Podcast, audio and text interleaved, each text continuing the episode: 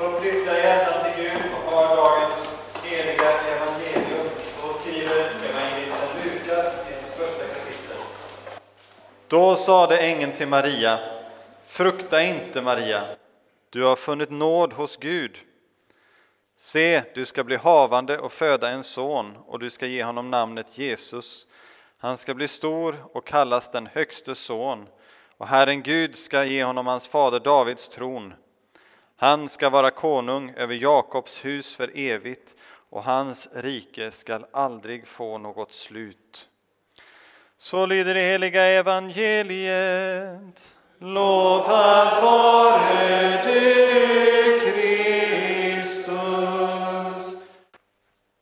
I den gammaltestamentliga läsningen idag så har vi det som brukar kallas för protoevangeliet. Alltså det första evangeliet. Egentligen är det ju en förbannelse, en förbannelse över ormen. Och om man så vill ett slags negativt löfte till honom om hans kommande nederlag. Men för oss blir det ju ett positivt löfte. För oss är det det första löftet som ges om frälsaren, om kvinnans säd, avkomma, som ska komma och krossa ormens huvud så att han inte kan skada oss mer. Och detta löfte om en son, om en avkomma på detta vis möter vi sen återkommande genom hela Gamla testamentet.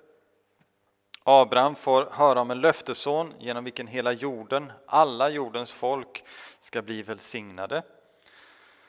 Och det var en son som blev till genom ett gudomligt ingripande eftersom det mänskligt sett inte fanns någon möjlighet att bli gravid så sent i livet som Sara blev.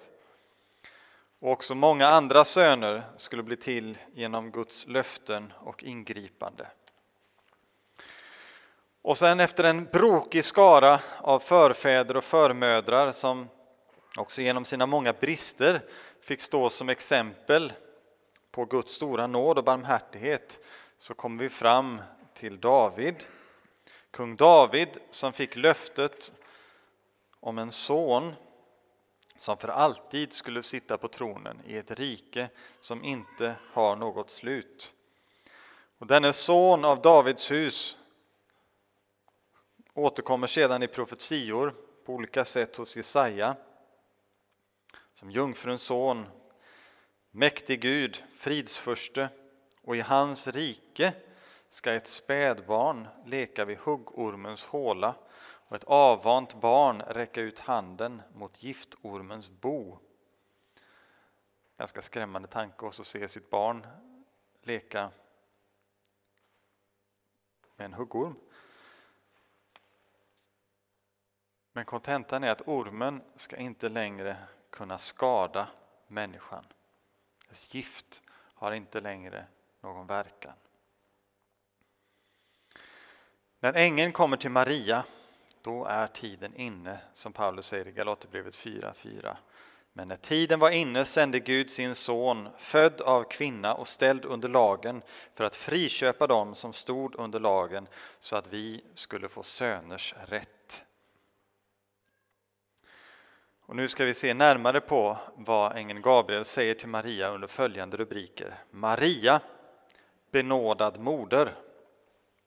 Det var första. Andra, Maria, Guds sons moder. Den tredje, Maria, Davids sons moder. Så först Maria, benådad moder. Ett par verser innan vår läsning har vi Gabriels första hälsning till Maria. Gläd dig, du som fått nåd, Herren är med dig. I den gamla latinska översättningen som Hieronymus gjorde där i Betlehem, som kallas Vulgata, så återgavs detta med ave, gratia plena. Och det är härifrån vi har Ave Maria som ni säkert har hört i, i form av Gonauds eh, melodi över Bachs Preludium i C-dur. Men förutom att ha inspirerat detta musikstycke så har den översättningen också legat till grund för en syn på Maria som är helt obiblisk. Latinet säger att Maria är gratia plena, full av nåd. fylld av nåd. Som att hon har nåd i sig själv.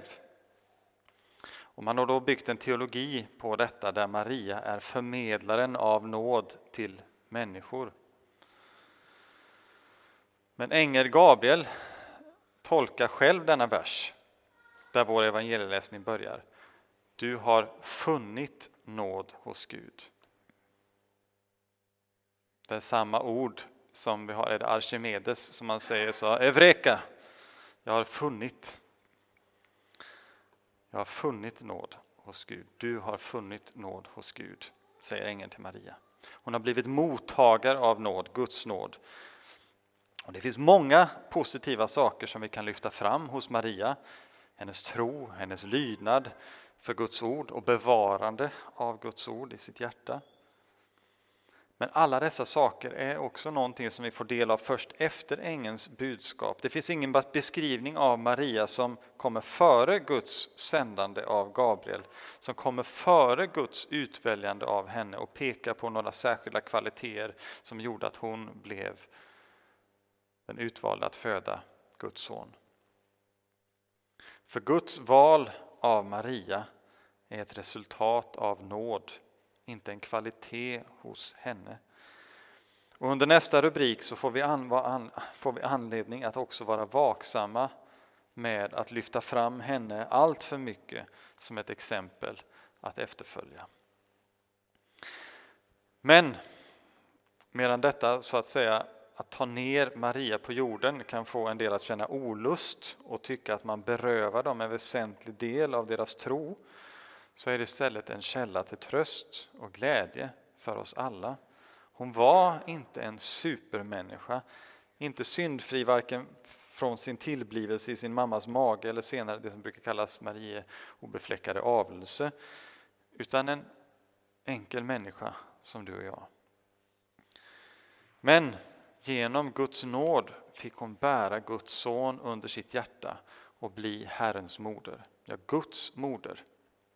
Det var en titel hon fick i Efesos eh, kyrkomötet där 5, 431. Eh, för att slå fast Jesu två naturer, eller Kristi två naturer.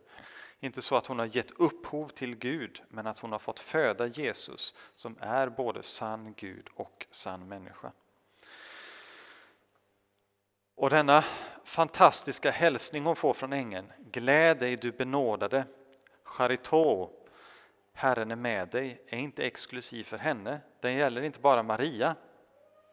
Utan i Efesierbrevet kapitel 1, vers 5-6 läser vi I kärlek har han förutbestämt oss till barnaskap hos honom genom Jesus Kristus efter sin goda viljas beslut till ära och pris för den nåd som han har benådat charito oss med i den älskade. Vi är på samma sätt som Maria är det, benådade i den älskade. Han, Jesus den älskade, han är full av nåd och sanning, som eh, Hilda läste förut. Han är den som är förmedlaren av nåd. Han och ingen annan. Och det är i honom som också Maria är benådad i honom som hon har fått uppdraget att bära i sig. Hon som blir frälsarens moder är själv frälst av honom, är benådad i honom genom tron. Hon fick bära Jesus under sitt hjärta, men det som gjorde henne verkligt salig var att hon bar honom i sitt hjärta.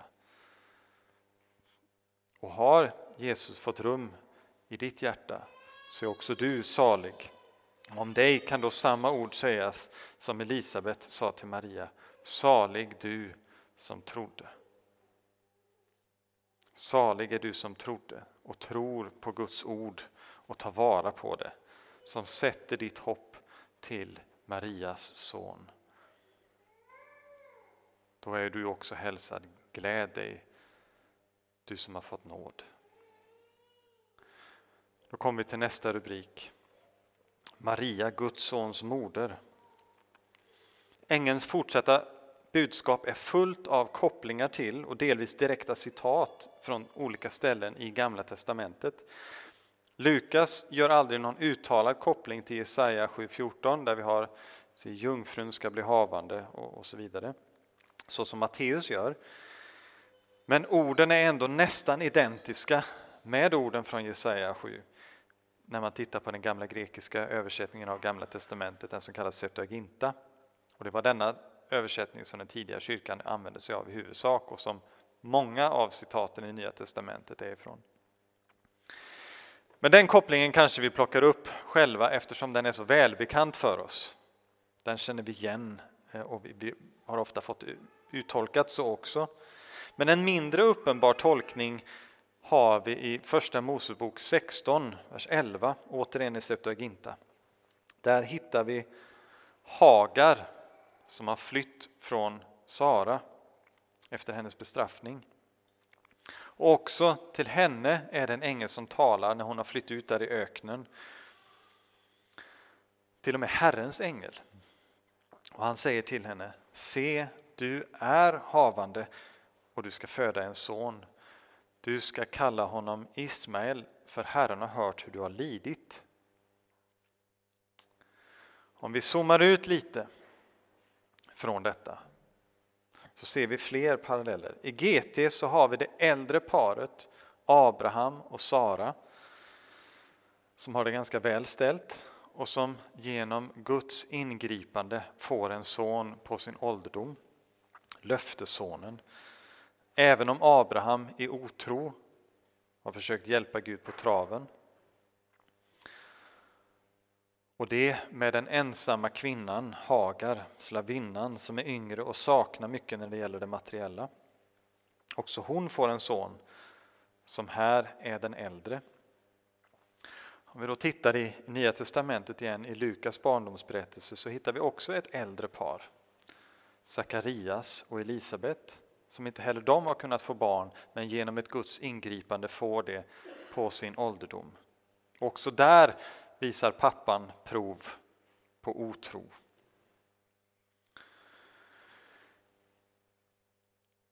Och så har vi då också den unga kvinnan och troligtvis inte så välbeställda kvinnan utan ganska fattiga Maria som också får en son. Även om det inte är exakt samma ord för slavinna i grekiskan om Hagar så är det också slavinna Maria kallar sig själv i sin lovsång. Han har sett till sin slavinnas ringhet, inte tjänarinnas. Och här kan vi gräva lite till och få fram ytterligare paralleller. När det står att Herren har hört hur Hagar har lidit så står det egentligen att han hörsammat, om man så vill, hennes förödmjukelse. Och här är det samma ord som i Marias lovsång översatts med ringhet. Eh, och möjligen kan man även se en anspelning på Hagars namn till Gud, den Gud som har sett mig. Och hon är för övrigt den enda kvinna i GT som namnger Gud. Men både när det gäller Hagar och Maria talas det alltså om att Gud har sett till deras, till dem, deras eller hans slavinnors förödmjukelse, deras låga ställning. Men vi har inte en fullständig parallell utan snarare en hybrid där Maria blir en slags parallell till både Sara och Hagar.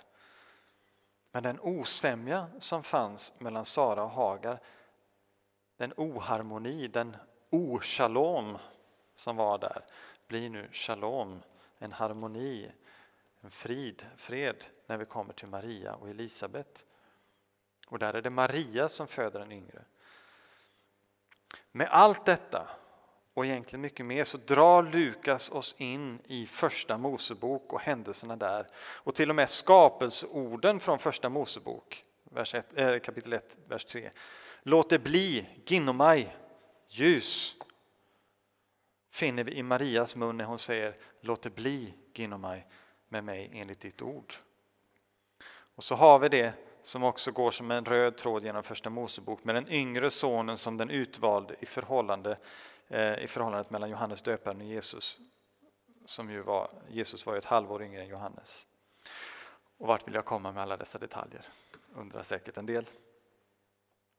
Första Mosebok är boken om skapelsen och hur det går fel när människan går sin egen väg. Det är en berättelse full med trasiga familjerelationer och andra relationer, för att uttrycka det milt, som leder till olika folk som sedan strider mot varandra.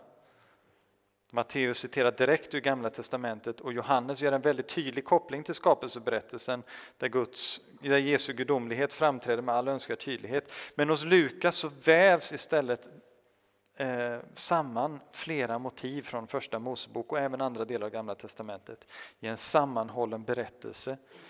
Lukas berättar om hur Gud på nytt tar sig an sitt folk men också hela jordens, alla jordens släkten och hur de ska bli välsignade i Abraham genom löftessonen och bli ett folk. Inte längre Hagars eller Saras son, inte längre Ismael eller Isak, hedning eller jude, utan alla är vi ett i Kristus. Galaterbrevet 3.28. Men också och mer om hur Gud skapar på nytt, om den nya skapelsen som har sin början i Jesus. Han genom vilken allting är skapat, den högste son, Guds son, Gud själv. En sång som man ofta får höra i juletid till leda, som jag lyckligtvis ännu inte har hört i år, är Mary did you know? Där vi bland annat har textraden Mary did you know that your baby boy is Lord of all creation. Så lika frekventa, i alla fall om man har vissa sociala medier, så är det någon på nätet Ja, hon visste, ängeln sa det ju till henne. Lite sydliga kommentarer. Men var det verkligen så? Förstod Maria verkligen att det barn hon skulle föda var Gud själv? Att han var speciell och att han kom till genom ett direkt gudomligt ingripande, det var klart. Att han skulle bli en kung för sitt folk, ja. Att han var gudomlig på något vis, ja. Men förstod hon att Guds son verkligen innebar Gud, sonen, den andra personen i treenigheten? Det är inte säkert. Elisabet kallade honom Herre och de vise männen föll ner för honom i vad som kan kallas tillbedjan. Men ändå när vi tittar på Jesus svar till henne eh, när, när hon och, och Josef hittar honom som tolvåring i templet så verkar hon inte riktigt fått grepp om vem hennes son var. Vi ser det också senare när hon kommer för att hämta honom från synagogan tillsammans med Jesus syskon. Där det står innan att de har gått ut för att ta hand om, eller ta kontroll över, gripa, hålla honom tillbaka eftersom han sa att han var från sina sinnen. Det kan visserligen översättas som här i folkbibeln. Att det var andra än hans släktingar som sa att han var från sina sinnen. Men det skapar ändå en del frågetecken.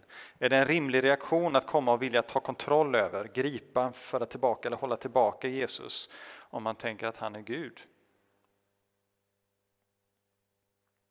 Men hon hade ändå förstått att han var hennes frälsare.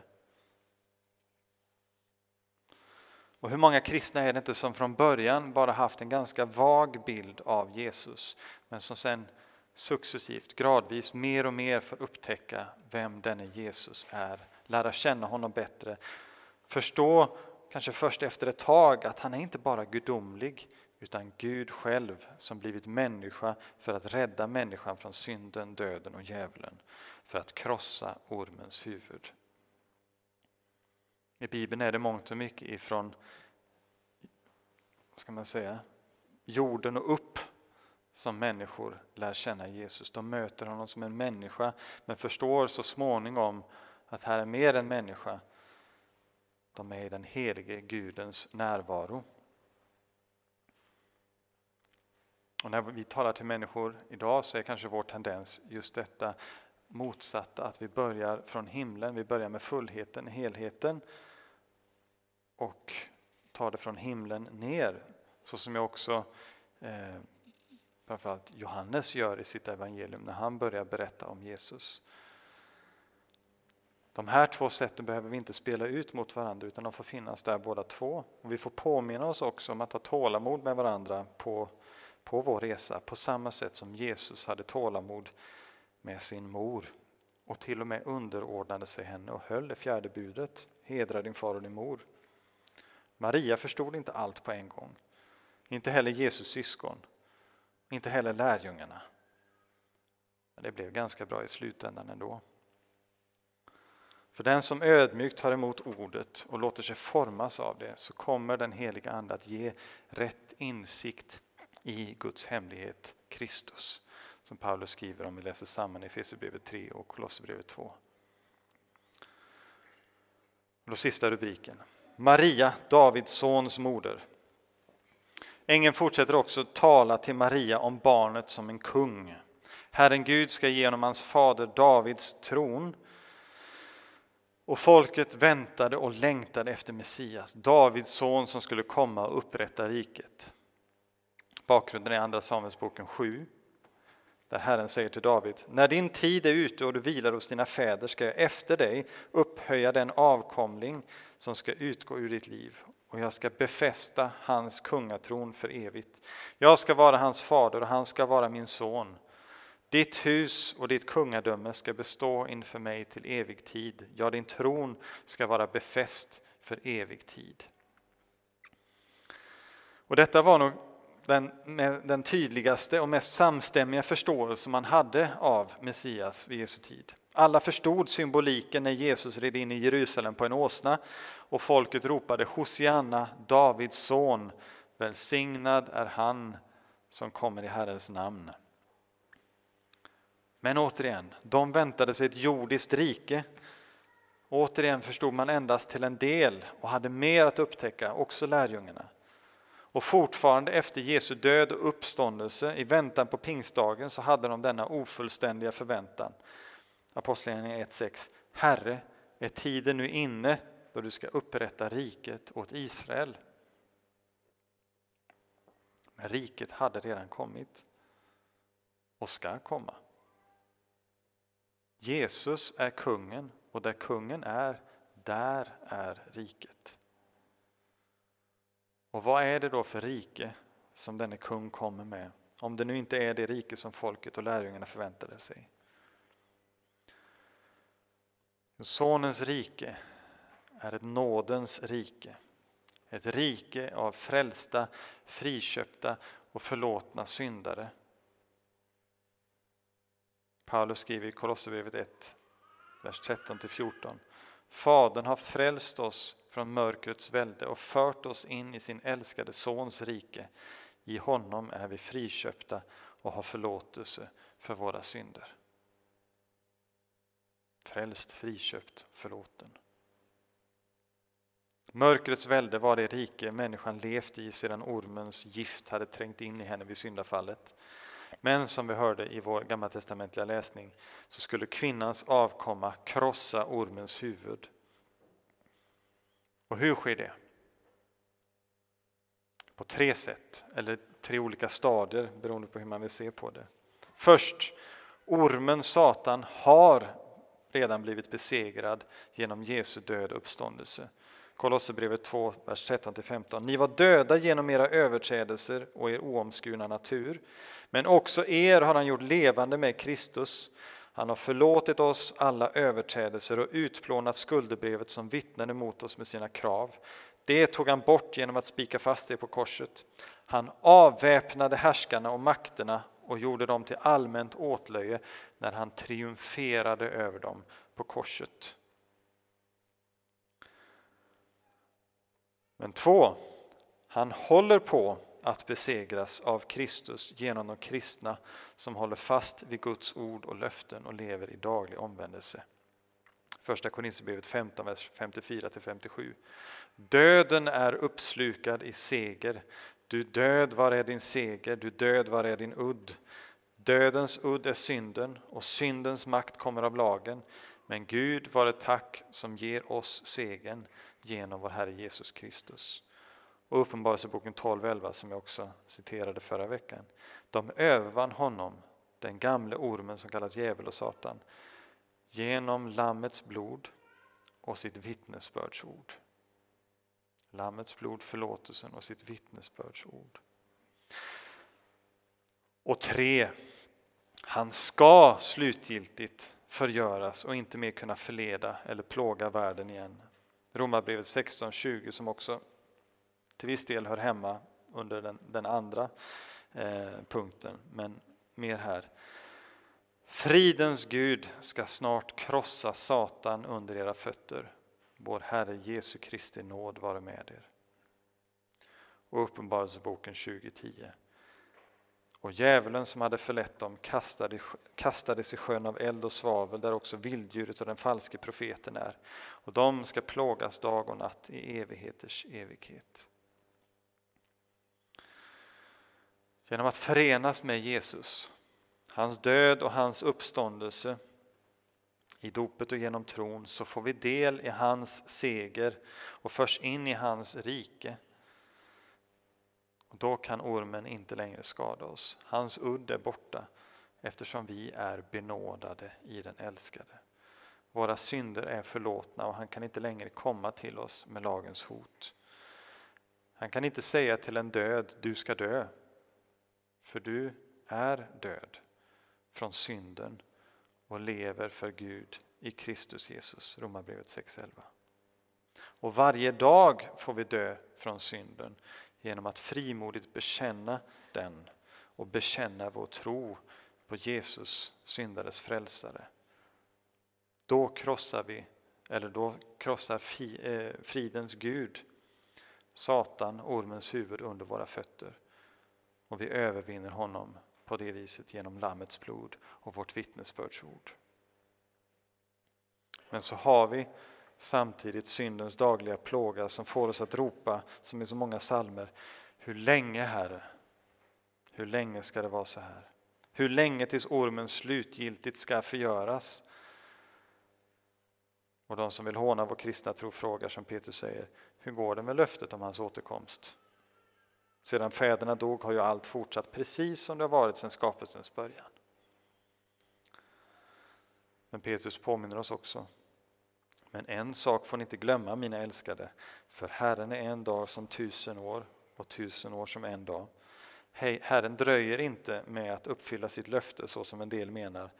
Nej, han har tålamod med er eftersom han inte vill att någon ska gå förlorad utan att alla ska få tid att omvända sig. Därför, mina älskade, när ni nu väntar på detta, gör allt ni kan för att bli funna rena och fläckfria inför honom i frid och räkna med att vår Herres tålamod innebär frälsning.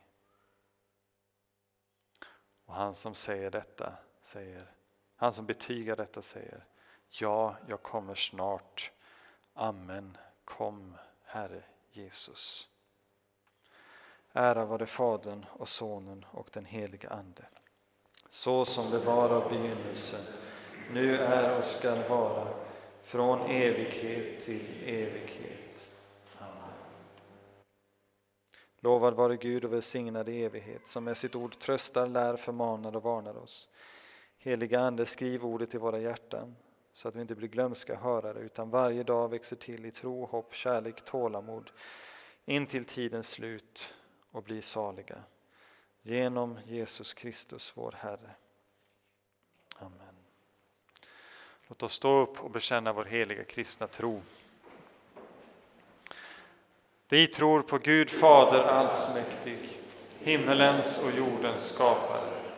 Vi tror och på Jesus Kristus, hans enfödde Son, vår Herre, vilken är avlad av den heliga Ande, född av jungfrun Maria, pinad under Pontius Pilatus, korsfäst, död och begraven, nederstigen till dödsriket, på tredje dagen stånden igen ifrån de döda.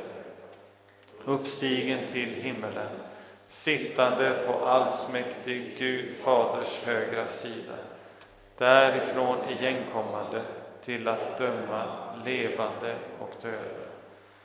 Vi tror också på den helige Ande, en helig allmännelig kyrka, det heliga samfund, syndernas förlåtelse, kroppens uppståndelse och ett evigt